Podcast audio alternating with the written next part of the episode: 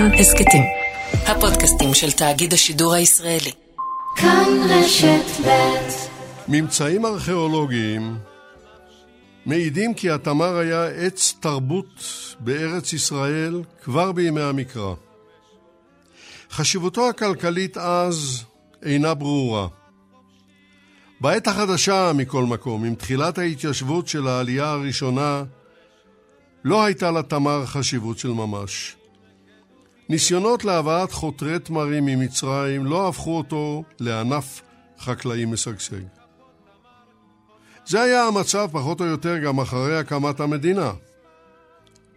באמצע שנות החמישים של המאה הקודמת החליט בן ציון ישראלי הבלתי נשכח כי אם ייובאו לישראל חותרי תמרים משובחים מאיראן ומעיראק, יוכל התמר להכות כאן שורש ולהפוך לענף חקלאי חשוב. הוא רתם למשימה את איש המוסד יעקב יאני אבידוב, שכתב על כך ספר מרתק בשם עלילות עיראק. תוך סיכון חייו העביר בשנת 1955 לישראל עשרות אלפי חותרי תמרים. כך החל אצלנו ענף התמרים, המגלגל היום מיליוני שקלים ומפרנס אלפי חקלאים בצפון ובדרום. נדבר על כך הבוקר. התמרים בישראל, קראנו לשידור, מביאים אותו לכם יגאל בוטון וחדווה אלמוג, מנתבת את השידור ומפיקה קרן בר. אני יצחק נוי. נתחיל. דוקטור יובל כהן, בוקר טוב לך, שבת שלום. בוקר טוב. דוקטור יובל כהן הוא ממכון וולקני לחקר החקלאות, והוא עוסק במחקר התמרים.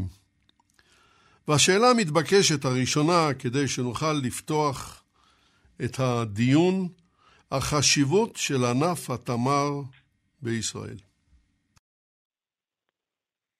התמר הוא עץ שמותאם לתנאי מדבר.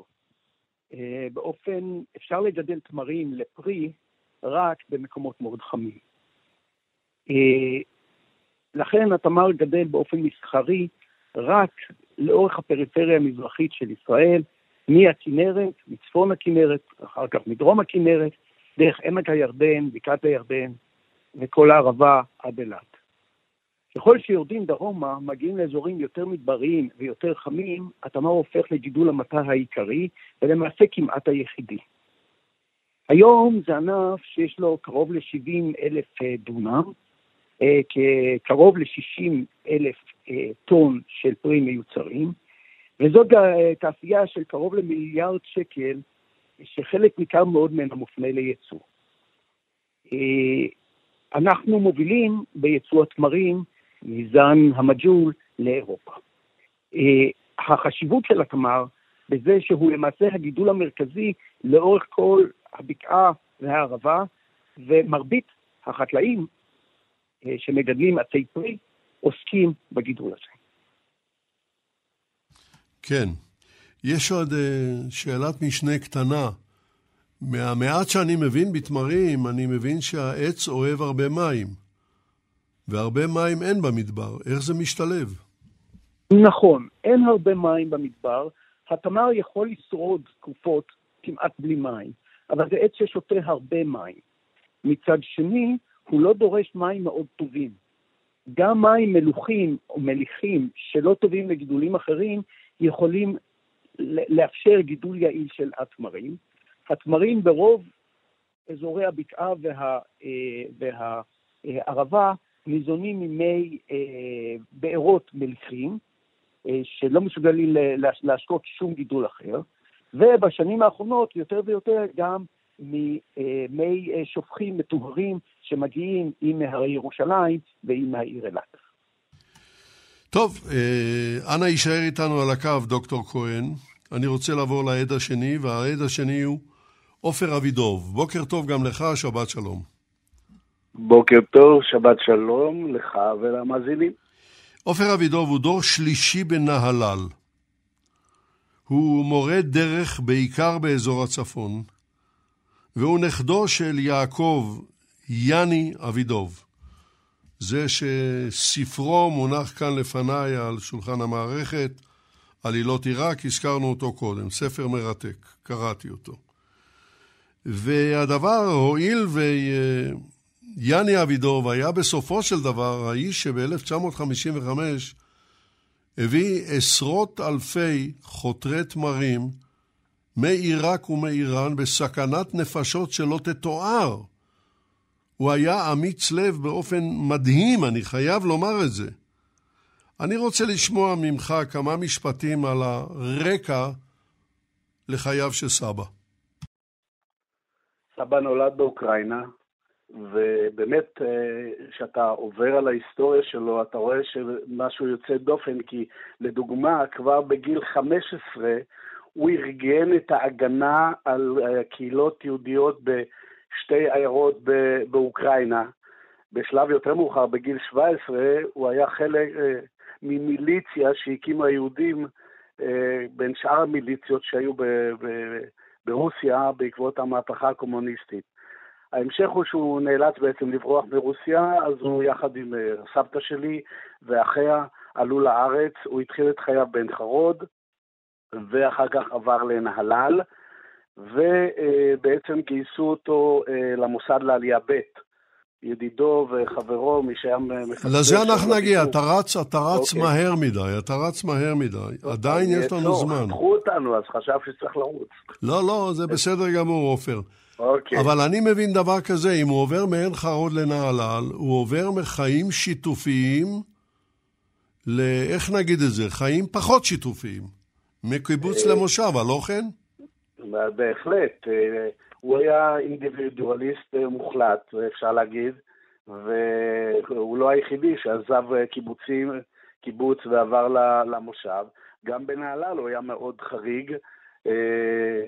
כל מיני פעילויות, אה, לדוגמה הוא ראה שאנשי העלייה השנייה בנהלל, הוא העלייה השלישית, אה, עובדים בצורות אה, פרימיטיביות עדיין, ולדוגמה היה אז מכשיר חדש שנקרא מעלמת, אז הוא קנה מעלמת בחיפה, הרכיב אותה בעצמו, כמובן זה רתום היה לסוסים ולא לטרקטור, ואנשי נהלל הסתכלו עליו מה שנקרא בעין עקומה, מה זה הדבר הזה, אבל אחרי שנה כבר רבים אחרים קנו מעלמות. בכל אופן, הוא היה הראשון שקנה רכב פרטי בנהלל, וגם כן משהו יוצא דופן בסוף שנות ה-30. אה, בהחלט אה, היה כאן יוצא דופן, לא ניכנס לפירוט של כל הדברים. כן. אוקיי, המתן גם אתה איתנו על הקו, אני רוצה לעבור לעד השלישי, ועכשיו אנחנו מרחיקים. האיש הוא גדעון זיו, ציגי. ציגי, שבת שלום לך. שבת שלום ומבורך. ציגי הוא דקלאי ותיק מקיבוץ יוטבתה. הוא היה לשעבר מדריך לגידול תמרים. הוא היום בן 83. אתה לא אכפת לך שאני מגלה את זה למאזינים. לא, לא, לא אכפת לי. ועדיין עובד בענף. אתה לא יושב על פלטפורמה ועולה לגובה של 20 מטר, אני מקווה. לפעמים. לפעמים אתה עושה את זה. כן. טוב, אם היית צנחן בעברך, אז אה, תלך עם מצנח, זה יותר, יותר לא, בטוח. לא, אמור לי, אה, ציגי, מתי נפגשת לראשונה עם התמרים? אני למדתי בבית ספר חקלאי בכדורי, ואחר כך uh, למדתי בפקולטה, והמפגש שלי עם תמרים היה ממש מזערי. בשיעורים ובהרצאות על תמרים כמעט שלא דיברו. ממש נפגשתי בתמרים כשהגעתי לעין רדיאן, שהייתה היאחזות נחל, ולידה היה מעיין שסביבו גדל מטע זריעים, ששבט בדואים אה, הסתופף בצילם וגם נהנה מהפירות שלהם. וכשאנחנו הגענו הנה, גם אנחנו, הבדואים נטשו את המקום, ואנחנו uh, התחלנו לטפל בעצי התמרים של ששם, זה לא אנחנו, זה החקל... הנחלאים שבאו לפנינו. אנחנו הגענו ב-1957, וכעבור uh, פחות משנה, בערך שנה, אזרחו את ההארזות עין רדיאן והפכו אותה ליישוב אזרחי בשם יוטבתה. ושם אתה נמצא עד היום. ושם אני נמצא עד היום. טוב, יישאר גם אתה על הקו, אני חוזר אליך, דוקטור יובל כהן, ואני רוצה לצרף שתי שאלות. הואיל וחג הרמדאן גזל מאיתנו עשר דקות, אז אה, נעשה גם את זה, לא קרה כלום. אני רוצה לצרף את השאלה שקצת דיברת עליה, משמעות התמר לאנשי המדבר, שהזכיר גדעון זיו כרגע, והניסיונות להביא תמרים לארץ ישראל, לא למדינת ישראל, לארץ ישראל, לפני הכרזת המדינה. טוב, אז קודם כל לדבר אחרי טיגי אה, זה כבוד גדול, כי טיגי היה הראשון שלימד אותי מה זה תמר בדיוק לפני 20 שנה כשהתחלתי לעבוד בתמרים. אז אה, תודה טיגי. Uh, מעבר לזה, uh, צריך להבין שתמרים, בגלל שהוא שהעץ עמיד מאוד לחום, הוא למעשה העץ היחיד שגדל באופן טבעי בנאות המדבר. רק בצל התמר אפשר לגדל גידולים אחרים, כמו אה, הדרים מעט, ולאחר מכן מתחתיהם ירקות. כלומר, הצל של התמר הוא זה שמאפשר את החיים שמתחתיו. אה, דבר נוסף, אה, התמר הפרי מכיל כמות סוכר מאוד מאוד גבוהה, שהופכת אותו לגמרי עמיד לקלקולים. ולכן אפשר היה להעמיס לאורך שנים את אה, שק התמרים היבשים על גמל ולהסתובב איתו במדבר. למעשה שני הדברים שאפשרו בעולם הקדום חיים במדבר היו התמרים והגמלים. זה חשיבות התמר אה, בעולם. אה, גם באסלאם, גם ביהדות, התמר הוא עת החיים, זה המושג של תמר, עת החיים. והחשיבות הזאת היא באמת הייתה אמיתית. בלעדי התמר אי אפשר באמת היה לחיות לאורך זמן במדבר. אה, לגבי הבאת התמר לישראל, אז התמר לא היה למעשה אה, גידול בתקופה המקראית. התמר מוזכר 14 פעמים אה, בתנ"ך, אבל אף פעם לא כעץ פרי, אלא כעץ גדול. צדיק התמר יפרח כארז בלבנון. אה, כשהתחילה העלייה השנייה ואנשי כנרת מסתכלים על הבאת התמרים ויצירת התמר כמטה באופן רומנטי, כמו שמסתכלים על הרבה דברים באותה תקופה.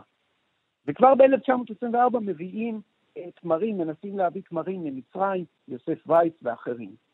בן ציון ישראלי שמוזכר פה, עשה שמונה, נדמה לי שמונה מסעות, אולי יותר, במהלך השנים. ב-33 ו-37 הוא עשה כמה מסעות לעיראק והביא מעט עצים, והקימו בחצר כנרת, או צפונה, את גן רחל, לזכרה של רחל המשוררת, שאמור היה להיות גן שבו יהיו זני תמרים שונים, שיובאו כדי שנלמד את הגידול שלהם, נלמד את הזנים הטובים, והם יהפכו את הבסיס אה, לא, אה, לאינטרודקציה של התמר. כמובן, הבסיס האמיתי של, ה, אה, של הענף התחיל לאחר עלילות עיראק, ושבן ציון ישראלי ויאני אבידוב מביאים 70 אלף חותרים של זנים עיראקיים, ויש עוד שלב נוסף בשנות ה-70, אה, שבו מיובאים עשרות אלפי חותרים בצורה מסודרת הפעם, לא בהברחה מתחת לרדאר, אה, של תמרים מקליפורניה, משני זנים, דקל שוזן, אג'יראי, תוניסאי. שוב, אתה, אתה דוחף את הנושא קדימה מהר מדי, אני צריך, אני חייב לעצור אותך כאן, אנחנו נחזור גם לעניין הזה. אבל אה, דוקטור כהן, אתה בוודאי, אני חייב כאן להזכיר את הסיפור הבלתי נשכח של אבשלום פיינברג. מראשון לציון, שחצה את המדבר ביחד עם יוסף לישנסקי ב-1916, נורה על ידי בדואים, נקבר בקבר רדוד, ואחד מגל עיני התמר מהתמרים היבשים שהיו בכיסו כמזון לחציית המדבר צמח וגדל. אתה בוודאי מכיר את הסיפור הזה.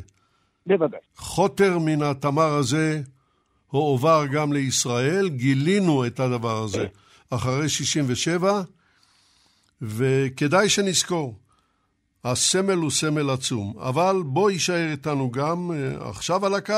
אני חוזר אליך, עופר אבידוב.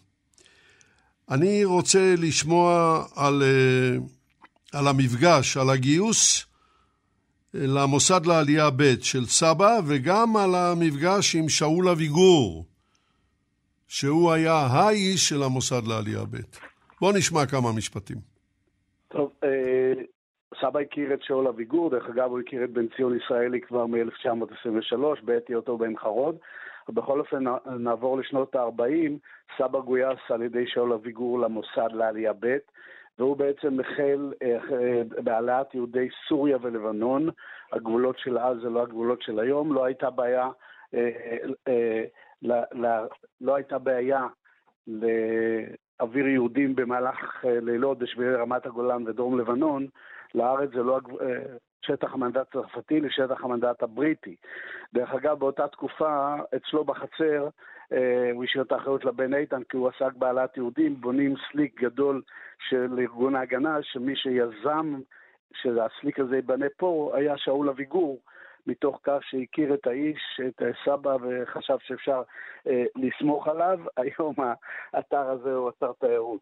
בכל אופן, אה, אחרי שלוש שנים של פעילות בסוריה ולבנון, הסורים חשפו את זהותו, הוא נאלץ אה, למה שנקרא להימלט, חזר לארץ, נשלח לאירופה שלאחר מלחמת העולם השנייה, הוא היה אחראי לשיגור חמש אוניות מעפילים במהלך שנת פעילותו באירופה, ואז הוא נשלח לצפון אפריקה. הוא בעצם 1947-1953 עסק בהעלאת יהודי צפון אפריקה. הוא התחיל באלג'יר, המשיך בתוניס וסיים בהעלאת יהודים ממרוקו, ואז שלחו אותו לאיראן בכלל... טוב, לא... ככה, כאן אנחנו נעצור, עזוב, עזוב, אוקיי. אנחנו מיד מגיעים לשליחות לאיראן. אין בעיה. מיד מגיעים לשליחות לאיראן, אבל אני רוצה לפנות אליך, גדעון זיו, אה, ציגי. מתי אתה נפגשת בפעם הראשונה עם יאני אבידוב? יאני אבידוב, אה, אחרי שהוא פרסם את אה, אחרי שהוא סיים את המבצע, הוא הגיע ל... ליוטבתה לסוף שבוע, לערב שישי, וישב איתנו בחדר האוכל עד השעות הקטנות של הלילה. על איזו שנה אתה מדבר? אני מדבר על שנת 1957-8, לא זוכר בדיוק. אחרי מבצע קדש. הסיפורים שלו היו מופלאים מכל היבט שהוא.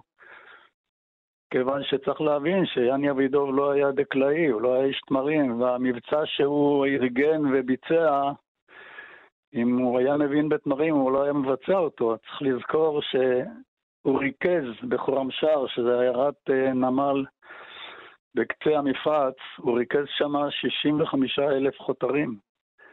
והאונייה שהייתה אמורה לבוא לקחת אותם, לא באה. וכל דקלאי נבון היה משליך את כל החותרים לים, כי אין מה לעשות איתם. אבל יאני, מכיוון שהוא היה עקשן וגם לא כך אה, הבין בתמרים, הוא שתל את כל השתילים האלה לחוף המפרץ, וחיכה כמעט חודש עד שהאונייה הגיעה. או אז הוא העמיס אותם על האונייה, והרב חובל קיבל הוראה לנסוע לאיטליה. כשהוא הגיע לים התיכון, אז אמרו לו, לא, אתה נוסע לחיפה. אז הוא אמר, אני לא נוסע לחיפה, אני זורק את כל המטען לים. וכנראה באמצעות אה, שוחד או משהו כזה, הוא שכנעו אותו להגיע לחיפה, והאונייה הגיעה לחיפה, וכשהגיעה לחיפה, השלטונות, השלטונות הישראלים... בוא, בוא נעצור ביקשו... גם כאן. השלטונות הישראלים ידם רכה מאוד בבירוקרטיה, כפי שאנחנו יודעים, הם עושים את החיים קלים לכולנו, נגיע גם לזה. אני בשלב זה רוצה לחזור אליך, דוקטור יובל כהן. אז אחרי כל המאמצים העצומים האלה של בן ציון ישראלי שנהרג באסון מעגן עם המטוס שהתרסק על הקהל, והמשיך את, ה, את התפקיד הזה אדם שלא היה דקלאי מטבעו, יאני אבידוב, אבל היה מסור מאוד לרעיון. קורבנות כאלה וכל כך הרבה כסף, אתם זורקים את כל התמרים האלה מאיראן ומעיראק שנים אחר כך ומביאים את המג'הול, הזן הצפון אפריקני שמגיע מאמריקה, ששם בכלל אין סכנת נפשות ורק צריך כסף ואונייה מסודרת. האמריקנים הם לא בדיוק איטלקים, אז זה מסתדר יותר טוב. איך זה קורה? זן המג'ול, הוא עבר, הגיע לארץ בשנות ה-70 אה, על ידי החטיבה להתיישבות, אה, בחור בשם, בחור בשם קובץ', ולמיטב ידיעתי, שוב, דם סידי היה מעורב בהבאה של החותרים האלה אה, מארצות הברית. המג'ול הוא פרי מאוד מאוד גדול, ולמדנו לגדוד, כלומר לגדל ולקטוף אותו אחרת מאשר את שאר אה, התמרים. אנחנו גודדים אותו באמצע ההתייבשות שלו, כשהוא נהיה משהו כמו אה, הרבה יותר רך מתמרים אחרים והרבה יותר אה, עסיסי. אה, זה לא התמרים שאתה ואפילו אני אה, גדלנו עליהם אה, בתור ילדים. בהחלט, זה תמר נפלא, נפלא. התמר הזה שהוא יותר גדול, ולמדנו לייצר אותו באופן מושלם, מיוצר לחוץ לארץ, בעיקר לאירופה, כבונבוניירה, כסוכריה, כמעדן. אנשים מגיעים באירופה לסופרמרקט או למעדניה בצרפת וקונים שלושה, ארבעה תמרים, לא שלושה קילו. אבל המחיר של כל אחד הוא. הצד השני, המעבר למג'ול דרש התמקצעות מאוד מאוד גדולה של הגידול. כדי שיהיה, אה, כדי להגיע לפרי האיכותי, צריך לדלל הרבה יותר את הפרי, וצריך גם לקטוף אותו בצורה סלקטיבית, כלומר צריך לעלות לעץ מספר פעמים במהלך תקופת ההבשלה של הפירות. אה, צריך גם לטפל בו, התהליך של הפוסט-הרבה, של השימור והשינוע, דרש התמקצעות. ואנחנו הפכנו להיות למעצמה שידעה לעשות את זה הכי טוב בעולם. אה, גם היום, היום מיוצרים קצת יותר מ-100 אה, אלף טון מג'ול בכל העולם, כמעט חצי מזה מיוצר על ידי ישראל. אה, והריצה הזאת קדימה הפכה לעדנה מאוד גדולה של הענף הזה. הענף הזה היה כ-200 אלף עצים בשנת 1990. היום אנחנו מתקרבים, עוד אה, לדעתי השנה, נגיע לכ-900 אלף עצים. כלומר, אנחנו הגענו כמעט פי חמש הענף גדל, וכולו היום כמעט, יותר מ-80% מהעצים הם עצי מג'ול. כשיש זן כזה והציבור משלם, והציבור באירופה משלם, וזה הופך להיות ענף ייצוא מרכזי, אי אפשר להתחרות.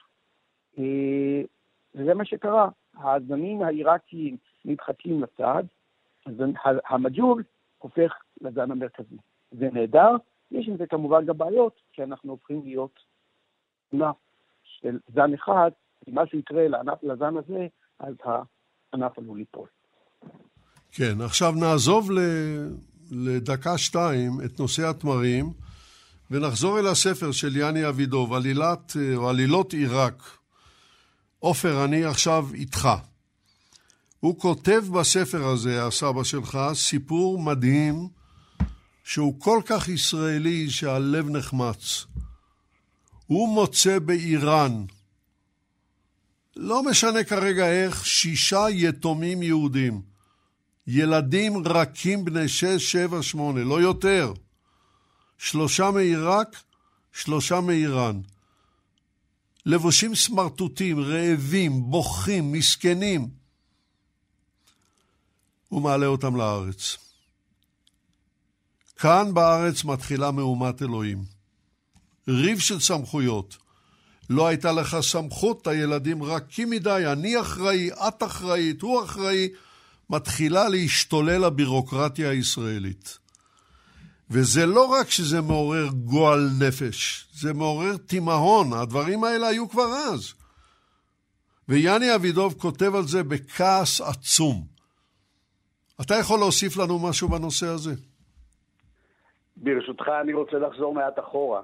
אה, שני אנשים אה, דבקים במטרה, אבל ניגוד, אה, מנוגדים באופי שלהם לחלוטין. סבא איש, ה, איש הצללים, השירות, השירותים החשאיים, יודע להתנהג בארץ אויב, והוא בן ציון, זה לא מציק לו בכלל. אמנם הוא אבי הרעיון, ו, הוא זה שמבין בתמרים, אבל מה שקורה סביבו לא מעניין אותו בכלל, ואם צריך לשמור על חשאיות ולהיזהר, בן ציון, כשמגיעים לעיירות נידחות, לפעמים אחרי נסיעה של אלפיים קילומטר באיראן, הוא מתקשר לקהילה היהודית, הולך עם הצעירים ברחוב, כשעד שהוא מגיע, הם מסתתרים ומפחדים להראות את עצמם, וסבא עומד בצד ופשוט לא מבין מה, מה, מה אפשר לעשות. האיש הזה פשוט מסכן אותם.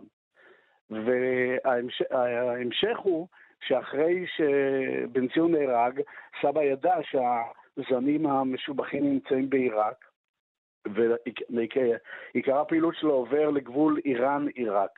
ושם יום אחד, המשפחה שאירחה אותו, משפחה יהודית, אה, הוא חוזר, הוא חוזר מעבר לגבול, פתאום מתברר שיש שם שישה יתומים.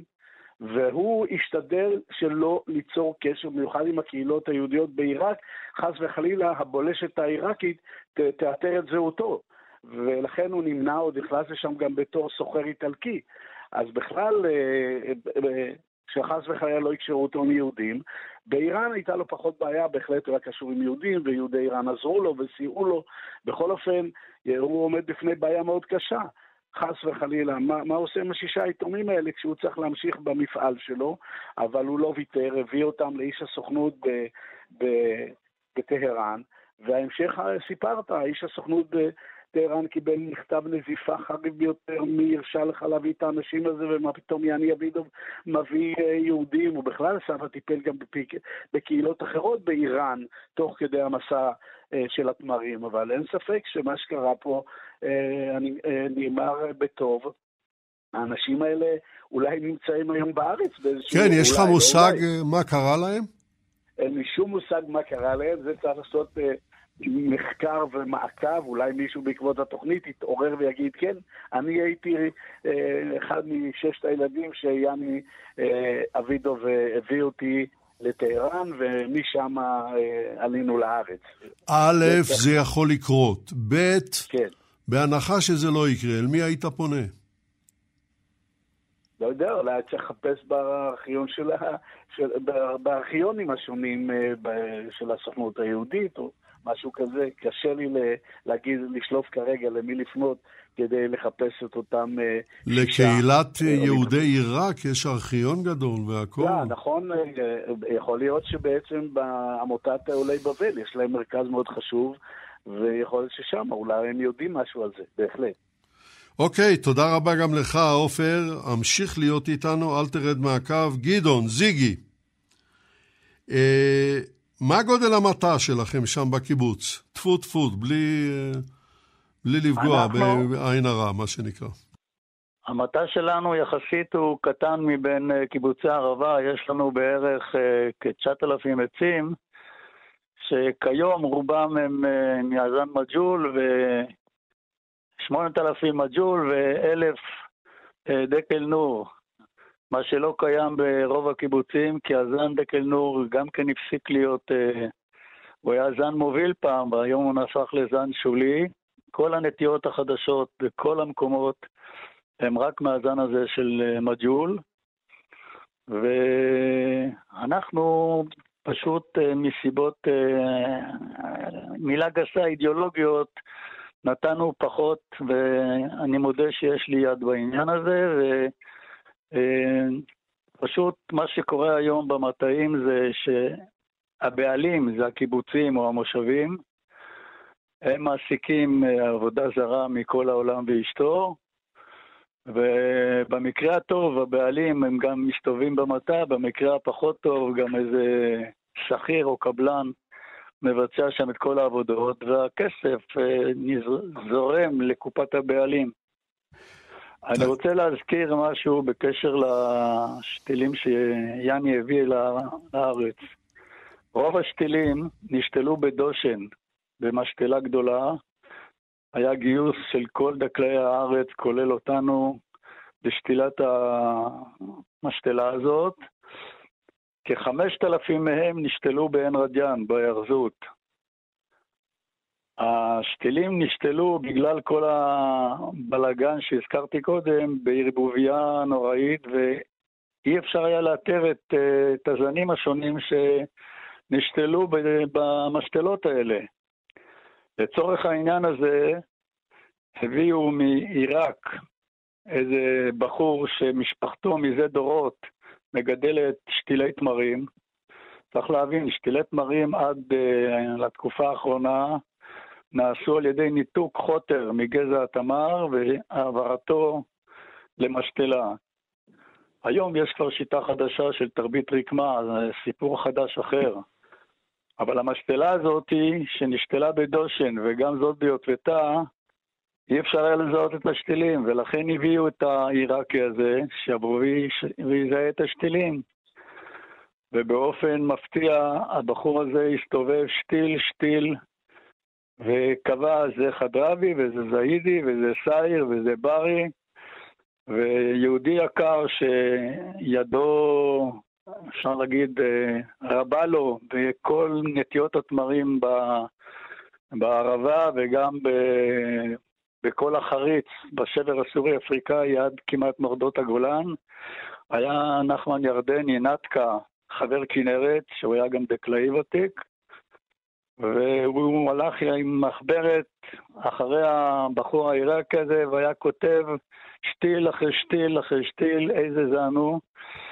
ואני זכיתי גם uh, ללכת בעקבותיו במשתלה הקטנה שהייתה ביוטבתה, וגם אצלנו היה מזהה שתיל אחרי שתיל אחרי שתיל. טוב. ונתקה, שהיה בקיא ורגיל, אמר, הלך כל הזמן ואמר, רגע, זה לא מתאים, הצבע של העלים, המרחק בין הקוצים, הזווית של הערוצים, ואז הוא לקח אותו והכניס אותו לשורה שהוא כבר עבר מהצד השני. והפלא ופלא, הבחור חזר על הזיהוי בדיוק כמעט מרבי. אנחנו מדברים על עיראקי, שאילו היה נודע בעיראק שהוא היה בישראל... היה עולה לגרדום. היה עולה לגרדום, איזו שאלה. אבל עכשיו אני רוצה להגיע לשאלת המיליון דולר. כן. זיגי, יד על הלב, יש פרנסה מזה? ועוד איך. המג'ול, תמר מג'ול נחשב היום לאחד מגידולי הייצוא המובילים בארץ. יש גם אבוקדו והדרים ומנגו, אבל התמרים לדעתי כרגע מתגברים על כולם והם עוד ילכו ויגברו, כיוון שבערך אה, רבע מהמטעים, או שליש אפילו מהמטעים שנטועים היום ב... בשבר הסורי-אפריקאי עדיין לא הגיעו לניבה מלאה. זאת אומרת שהיבולים ילכו ויעלו, ובינתיים אה, היצוא גם כן הולך וגדל, אני מקווה שלא יקרה לו משהו בעקבות הקורונה, אבל בינתיים הוא גודל והולך, וכל אה, קיבוץ או מושב שיש לו מתת תמרים, רואה ברכה בעמלו. כמה קילוגרם אה, תמרים יש מכל עץ בשנה? עץ תמר זה תלוי בשיטת ה... נקרא לשיטת הגידול, יכול לתת בין 100 ל-150 קילו. צריך להבין שעץ תמר אה, בוגר אה, מייצר כ-20 אשכולות, שכל אשכול אה, תלוי בעוד פעם, בשיטת הגידול, נותן לך בין חמישה לשמונה קילו תמרים, וזה גם קשור לאיכות. אבל היבולים האלה הולכים וגדלים, הולכים וגדלים. אבל, אבל המג'ול הזה גדל בגו, בקצב מטורף, 80 נכון. סנטימטר לשנה. מה אתם עושים נכון, אחרי 20 שנה? איך אפשר לעלות למעלה? אז אנחנו ביוצאתה, כבר יש חלקות שאנחנו עקרנו אותן, כיוון שכלי הגובה שברשותנו הפסיקו להגיע למעלה, וגם צריך לזכור שלעבוד בגובה של אה, מעל 15-16 מטר זה לא כך בטיחותי וגם לא כך נעים ולא לא, לא, לא כל כך אה, ממשיכים לגדל את העצים לגובה המרבי שלהם. אנחנו מכירים גם בארץ אה, יצאי תמר ש... ששרדו כאן מתקופות עתיקות, למשל מי שמכיר את העצים שהיו במפרץ עכו, שהיה שם גן של אחד ה... הסולטנים הטורקיים, היו שם עצים בגובה של כמעט 20 מטר.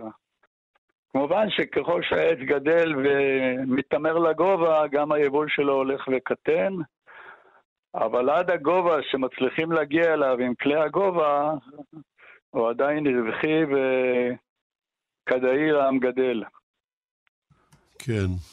אני רוצה להזכיר כאן, אה, אנחנו ביוטבתה ובסמר פיתחנו, מפתחים שיטה חדשה של טיפול בעץ, ש... שמטפל גם בדילול של האשכולות וגם בגדית של האשכולות. כפי שהזכיר כאן יובל, השיטה המסורתית זה לעלות על העץ מספר פעמים במשך העונה, לפתוח את השקית רשת שעטוף בה האשכול, לחלוב את מספר התמרים המתאימים לגדיד, לסגור, ואת זה הוא עושה במהלך העונה פלוס מינוס 4-5 פעמים. אנחנו התחלנו לפתח שיטה שאנחנו גודדים באמצעות ניעור הגזע. אנחנו באמצעות אה, מנ... אה, מתקנים ומנערי גזע שמורכבים על כלי הגובה, ובעזרתם החשובה של המפעל שמייצר את הכלים האלה בארץ, שזה מיכון והנדסה בפרדס חנה, והראשון שנרתם לעזור לנו היה יגאל מיכלסון, שהיום בנו ירש את המפעל, ובעזרתם אנחנו פיתחנו כאן מערכת שלמה של גדיד וניעור גזע, וזה חוסך הרבה מאוד שעות עבודה וימי עבודה, וגם בעיקר שעות הפעלת טרקטור, כלי הגובה שהם מאוד יקרים. ברור. התוצאה הסופית, רגע, עוד מילה. התוצאה הסופית אינה מיטבית כמו השיטה הישנה, אבל כשאתה מתחיל לק... לעשות קלקולציה של השיטות הישנות, החדשות, וההוצאות בגין כל שיטה, אז uh, סביר להניח שהדברים האלה יתאזנו, והתמורה תהיה פחות העסקה של כוח אדם uh, נוכרי במטעים. ברור. כוח אדם נוכרי זה אחד הדברים שמרגיזים אותך באופן מיוחד, את זה נכון, כבר הספקתי נכון. להבין. נכון. ושיהיה לכם בהצלחה. דוקטור יובל כהן, אנחנו מתקרבים לסיום. רציתי לשאול אותך על התמר כעץ נוי ועל התמר הקדום. יש לנו עץ תמר שצמח מגלעינים מימי בית שני, אלא אם כן אני טועה. ספר לא. לנו משהו על זה. אתה לא טועה. אה, כמו שאמרתי, התמרים לא היו אה, גידול בישראל עד בית שני. פשוט שהיהודים לא גרו באזור ה, אה, ים המלח והערבה. אה, יחד עם זה, בתקופה הרומית, פתאום הופך להיות, הופכת ישראל להיות אה, פרובינציה יודאיקה, הופך להיות מקום שבו יש זני תמר מפורסמים שמיוצאים עד רומא, ובתלמוד, במשנה, יש, יש שאלות האם מותר בכלל לייצא את התמרים האלה או לא. אה, באותה תקופה בעין גדי ובאזור מצדה היו מטעי תמרים מאוד מפורסמים ומאוד מוצלחים של זנים מאוד מיוחדים, חלקם מאוד גדולים, אה, לפי התיאור, אה, פרי שמגיע גם לשמונה סנטימטר באורכו. אה, אבל עם אה, נפילת אה, מצדה ובית שני, אה, כל התרבות הזאת אה, גוועת, כי שוב, זה הופך להיות מקום לא בטוח, והיישובים האלה לא שורדים וגם תרבות התמר לא שורדת בהם. בחפירות ארכיאולוגיות יש המון אה, תמרים, מוצאים המון זרעים של תמרים, אם זה תמרי בר ואם זה תמרים שהגיעו מכל מיני מקומות. לפני כ-14 שנה, אם אני זוכר נכון, אה, שתי חוקרות, אה, שרה סלון מהדסה, בית חולים הדסה, ואילן סולווי מקטורה, הצליחו להנביט זרע קדום כזה בין אלפיים שנה מהחפירות של, של, של מצדה, והעץ הזה גדל גם היום בקטורה. יותר מזה, בשנים האחרונות הם הצליחו להנביט עוד כשישה, שבעה למיטב ידיעתי, זרעים נוספים שמצאו בכל מיני חפירות ארכיאולוגיות. זה מדהים הדבר הזה. אחד, אנחנו רואים איזשהו גידול שלא רק עמיד מאוד לחום, אלא הוא גם, יש לו איזושהי חיוניות נורא נורא גדולה. העובר שנמצא בתוך הזרע, שהוא מזערי, מצליח להישאר חי גם אחרי אלפיים שנה. שזה מדהים, זה כמעט תחיית ללא ה... ספק, ללא ספק. מהמתים. החוקרות קראו לעץ הראשון מתושלח, כי הוא זקן כמו מתושלח. אנחנו חייבים להתחיל לסיים, אה, דוקטור יובל כהן. מה היית מבקש שהמאזינים ילמדו מהשידור? אני חושב שמה ששמענו היום זה סיפור מרתק על הבאה של תמרים אה, שהתחיל ברומנטיקה והפך להיות אה, תעשייה אדירה. אני חושב שהתמר הוא גידול מאוד מאוד מיוחד, ושהבאתו לארץ תרמה רבות לחקלאות ישראל, לפריפריה, ויצרה את אחד הענפים שעם ישראל אה, מוביל בו, ואנחנו יכולים להתברך על כך. תודה רבה לך, דוקטור יובל כהן. עופר אבידוב, מה היית מבקש שהמאזינים ילמדו מהשידור? אז קודם כל, שהמאזינים ידעו שבמלאת 50 שנה לפטירתו של סבא שלי, המשפחה פעלה להוציא מהדורה חדשה אה, עם מתיחת פנים, עם הסיפור המקורי של הספר עלילות עיראק. אבל לגבי העניין עצמו, אה, אני רוצה שאנשים, מי שיקרא את הספר, ואולי טיפה נגענו בזה בשידור, על שני האנשים האלה, בן ציון ישראלי, אבי הרעיון, והסבא שלי המבצע אחרי מותו של בן ציון, אה, שאנשים בעלי חזון שהיו דבקים במטרה, בעקשנות בלתי רגילה, וזה פיסת היסטוריה שכדאי ללמוד ממנה.